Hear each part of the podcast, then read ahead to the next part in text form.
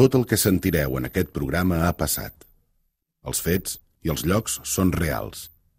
Alguns diàlegs estan dramatitzats, però el seu contingut consta en documents o surt de testimonis que eren en lloc dels fets.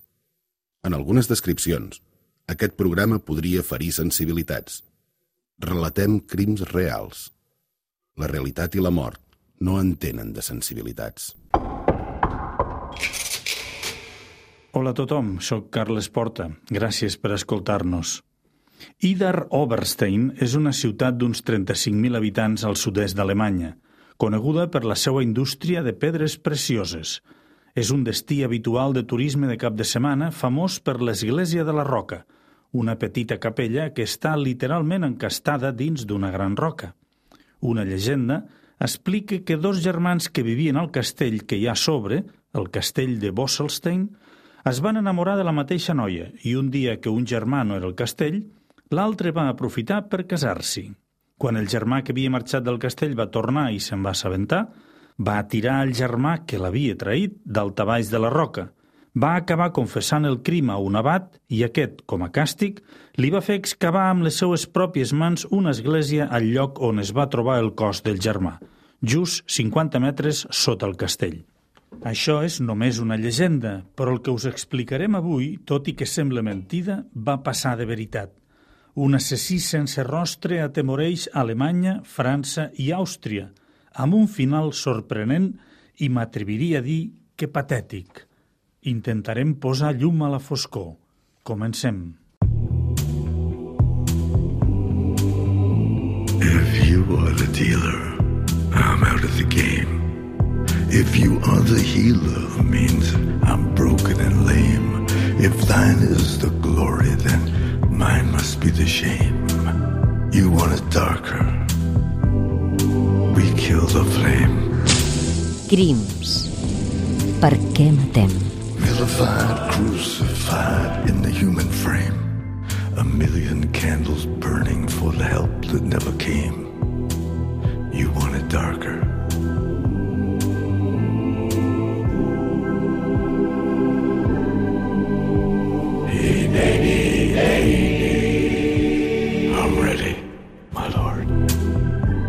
El relat dels moments foscos de la nostra societat. Crims. Amb Carles Porta. 23 de maig de 1993. Idar Oberstein, Alemanya. Lieslot Slanger, una jubilada de 63 anys, és al menjador de casa seua acabant de preparar un centre de flors per posar a la taula del menjador. Queden pocs minuts perquè arribin les seues amigues, amb qui, com cada setmana, ha quedat per prendre té. Avui, a més, és festa grossa perquè és l'aniversari d'una d'elles. Ja té el ram de flors gairebé acabat. Només li falta lligar-lo amb un filferro perquè s'aguanti bé i no es desfaci. De cop sent uns passos. La Lieslot pensa que es deu haver deixat la porta entreoberta i que és alguna amiga que ja ha arribat. Així que, sense girar-se a veure qui és, continuen les flors. Hola! Passa, passa! Sóc al menjador! Però no és cap de les seues amigues. Algú ha entrat a casa seua, li ha pres el filferro que tenia a les mans i l'ha fet servir per estrangular-la. Al cap d'uns minuts, ara sí, les primeres amigues comencen a arribar a casa de la Lieslot. La porta és oberta, però això no els estranya perquè sovint li tenia. És un barri tranquil i tots els veïns es coneixen. Lislota!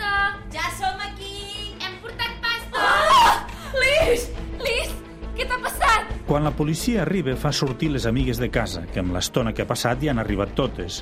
Els de la científica es posen a buscar en l'escena del crim alguna pista que els ajudi a descobrir l'autor dels fets, però no troben res, ni tan sols cap empremta.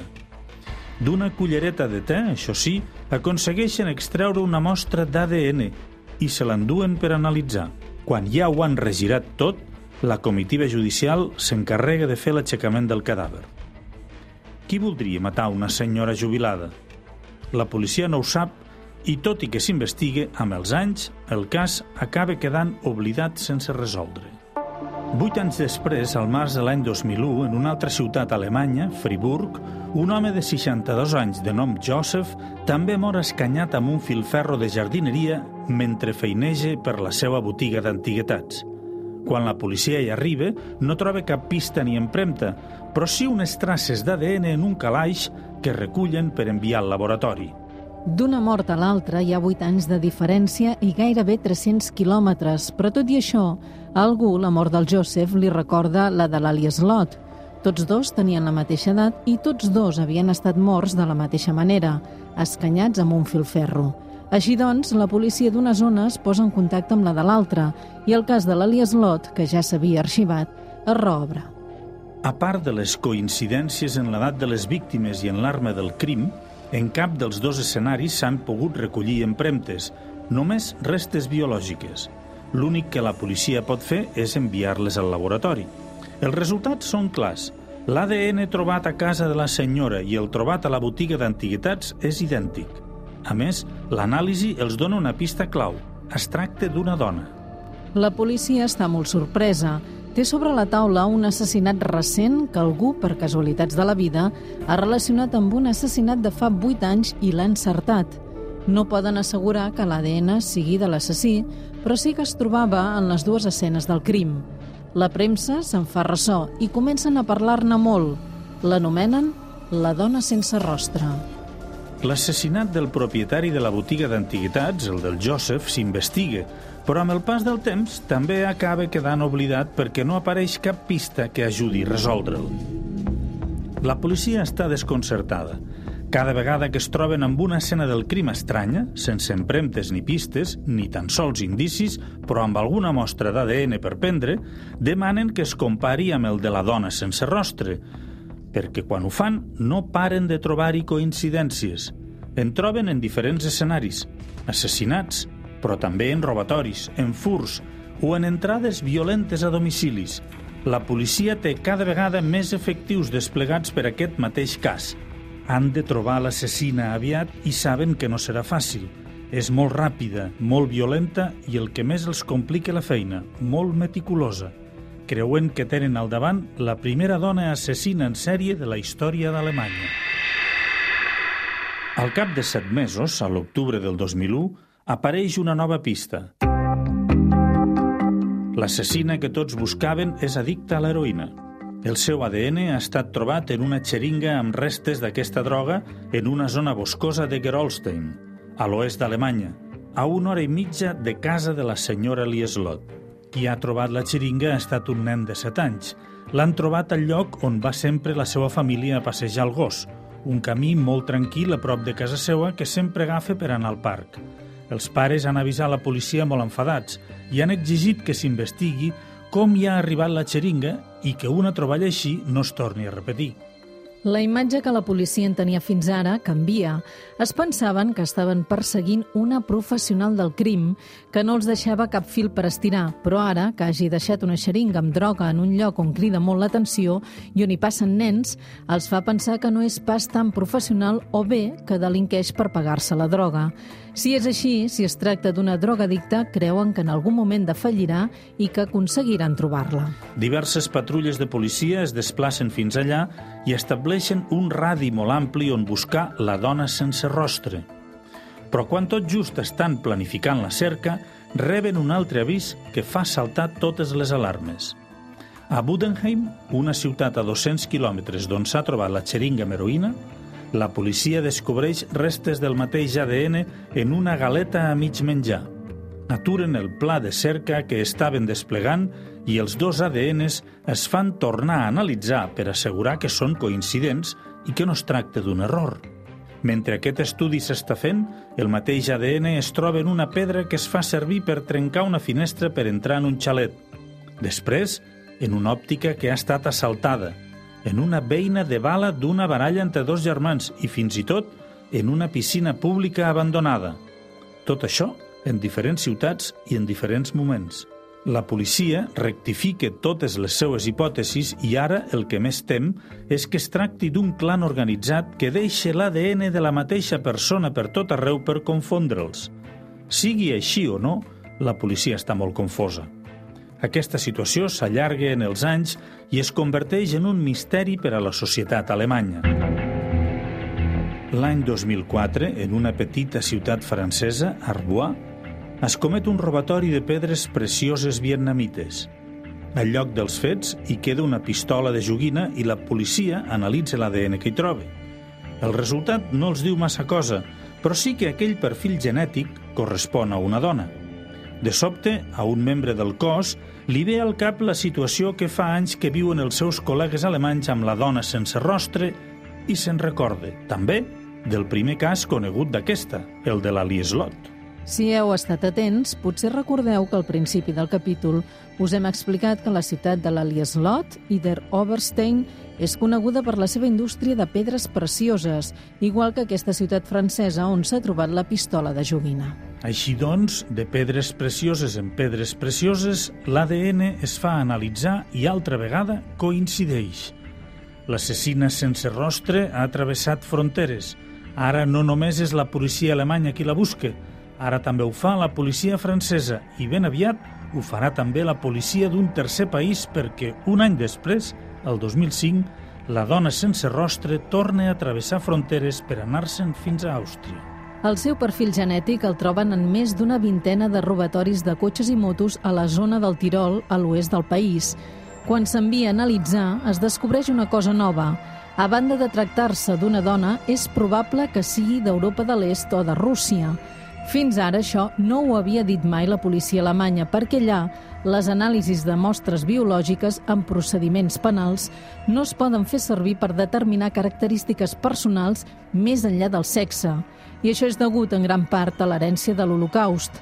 La genètica es va convertir en una eina del genocidi per tot allò d'aconseguir la raça ària i per això ara la llei marca unes limitacions molt estrictes pel que fa als registres d'ADN. Passen dos anys i el 2006 molt a prop de Stuttgart, és a dir, altre cop a Alemanya, la policia troba ADN de la dona sense rostre en diverses casetes de jardí. Creuen que estan a prop d'ella perquè ho interpreten com que en aquestes casetes de jardí és on passa les nits. Us n'hem explicat uns quants, però l'ADN d'aquesta dona es relaciona amb més de 40 crims diferents des de l'any 93. Per la policia, aquesta és una situació desesperant i decideixen donar un cop de puny sobre la taula. Estan convençuts que ara sí, la dona és per la zona i l'han de trobar. Comencen un rastreig actiu com una mena de cribatge. Prenen mostres de saliva a més de 3.000 dones. Busquen indigents, sense sostre i addictes a l'heroïna o altres drogues.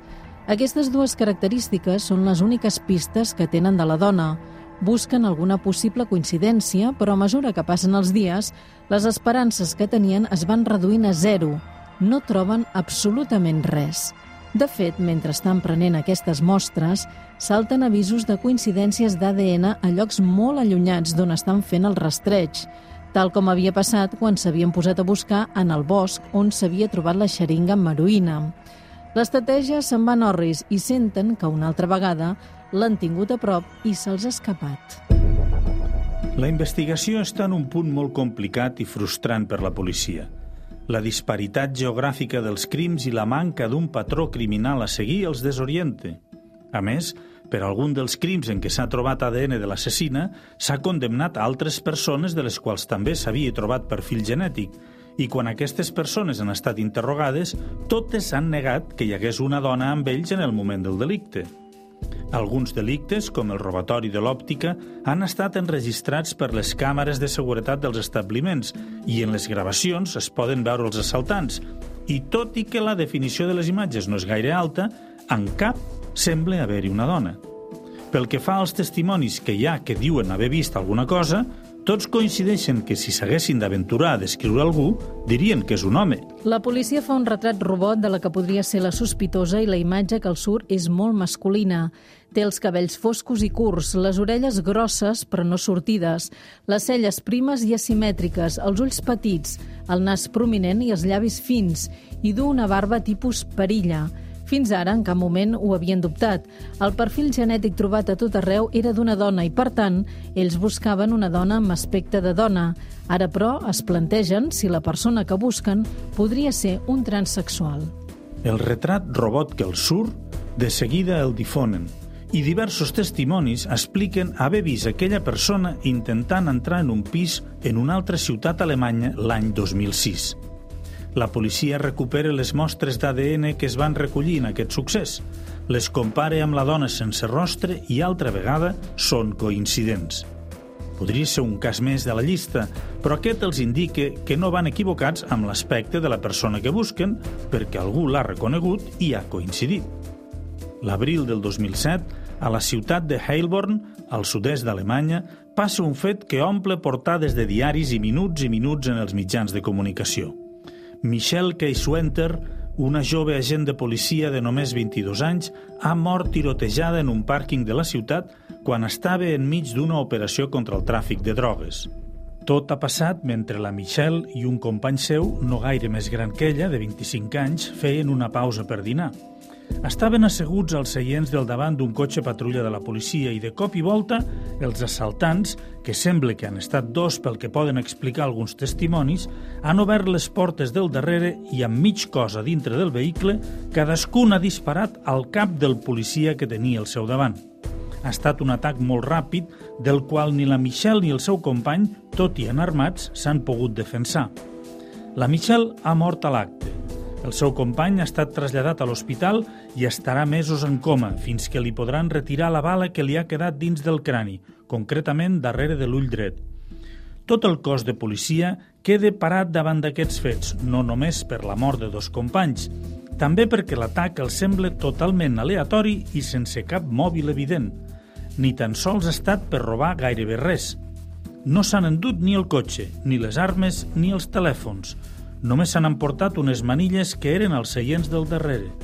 És d'allà, dels seients posteriors, d'on la policia aconsegueix extreure ADN, un ADN que es fa analitzar i que, altre cop, coincideix amb el de la dona sense rostre.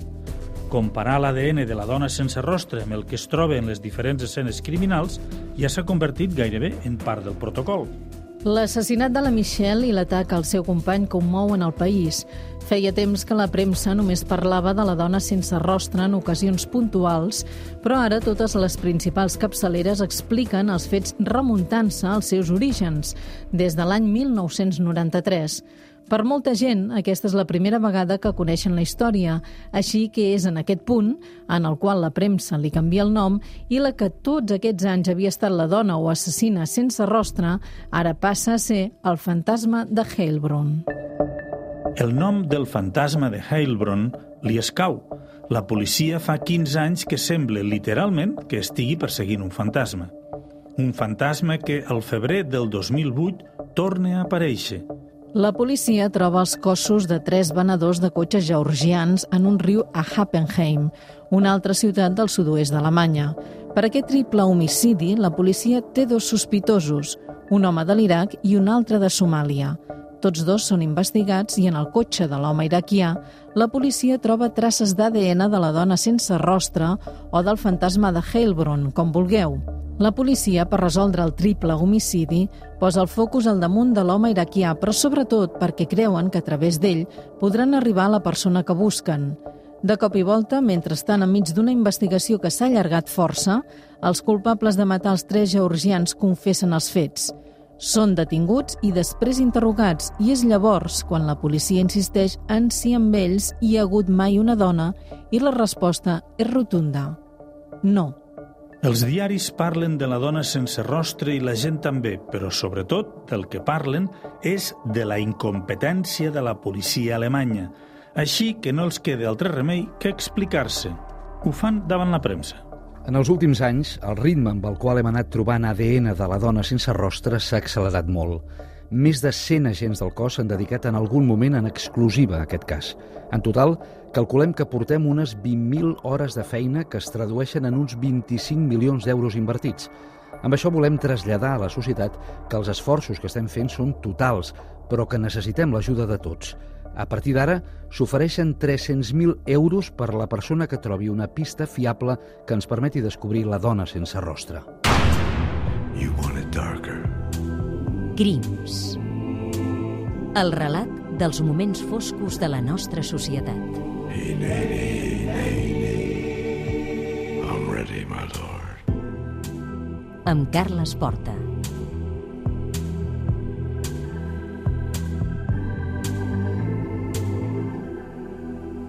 La policia rep trucades i visites de molta gent que diu creure saber qui és la dona sense rostre, però cap resulta ser útil per trobar-la. Entre totes aquestes trucades, al març del 2009, arriba el que tothom pensa que serà el final d'aquesta història.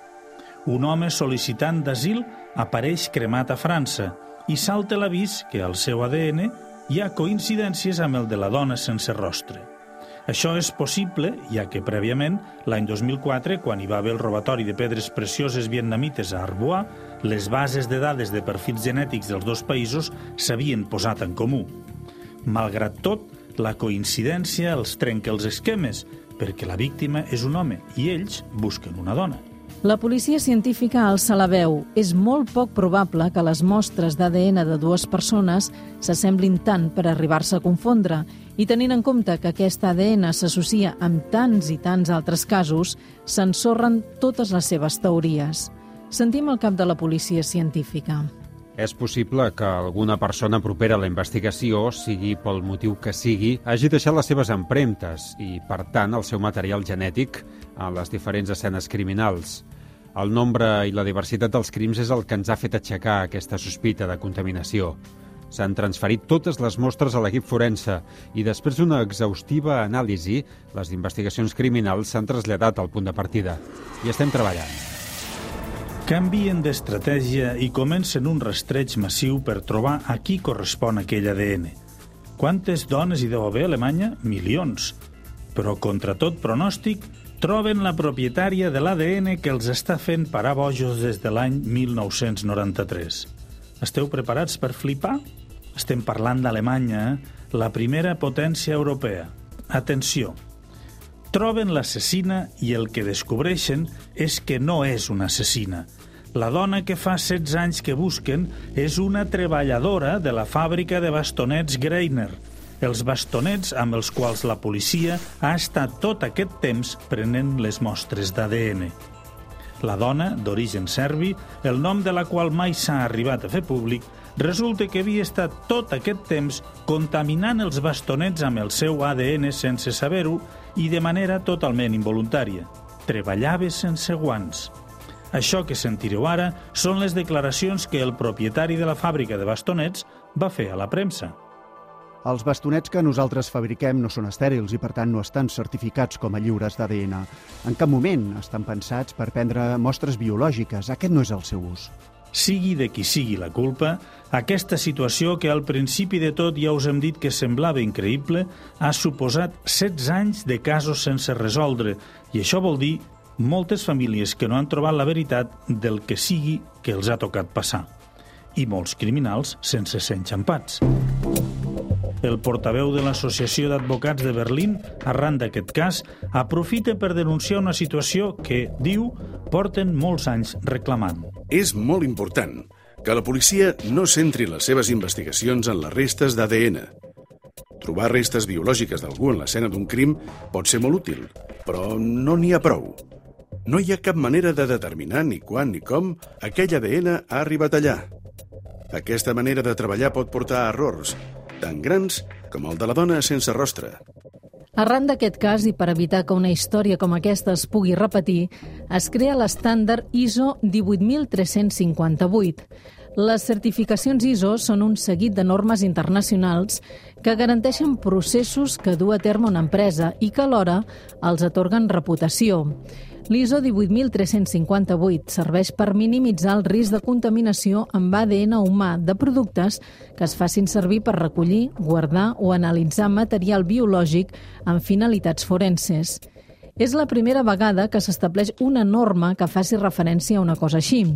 De fet, més que una norma, és més aviat una guia que indica als fabricants d'aquests productes com reduir al màxim el perill de contaminació i els ofereix la possibilitat de tastar els seus productes per veure si realment són adequats per fer servir en finalitats científiques o no.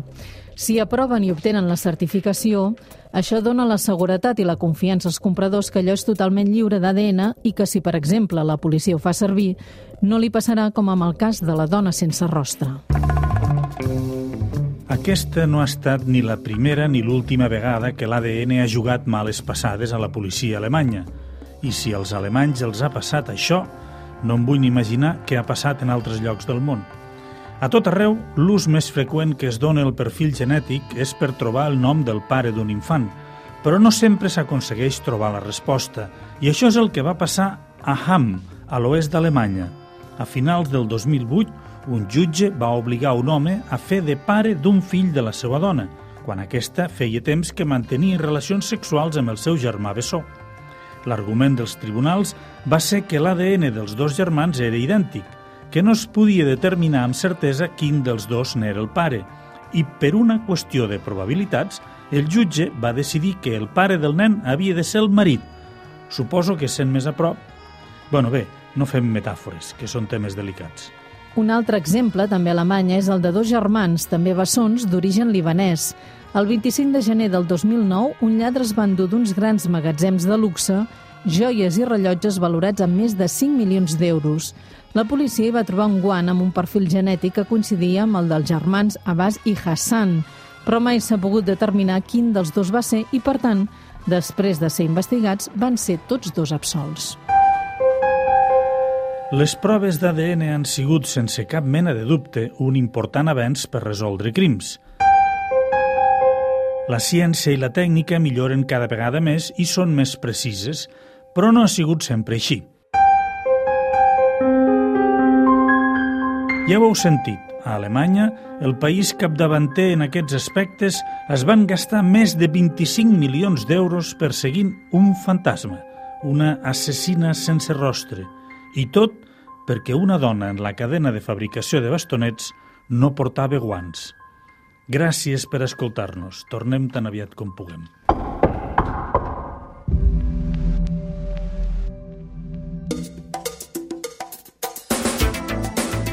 Crims. Guionistes Lídia Oriols, Albert Mercader i Sílvia Comet. Cas d'avui, Marta Freixanet. Producció, Núria Ventura. Muntador musical, Sergi Cotillas. Direcció artística, Dolors Martínez.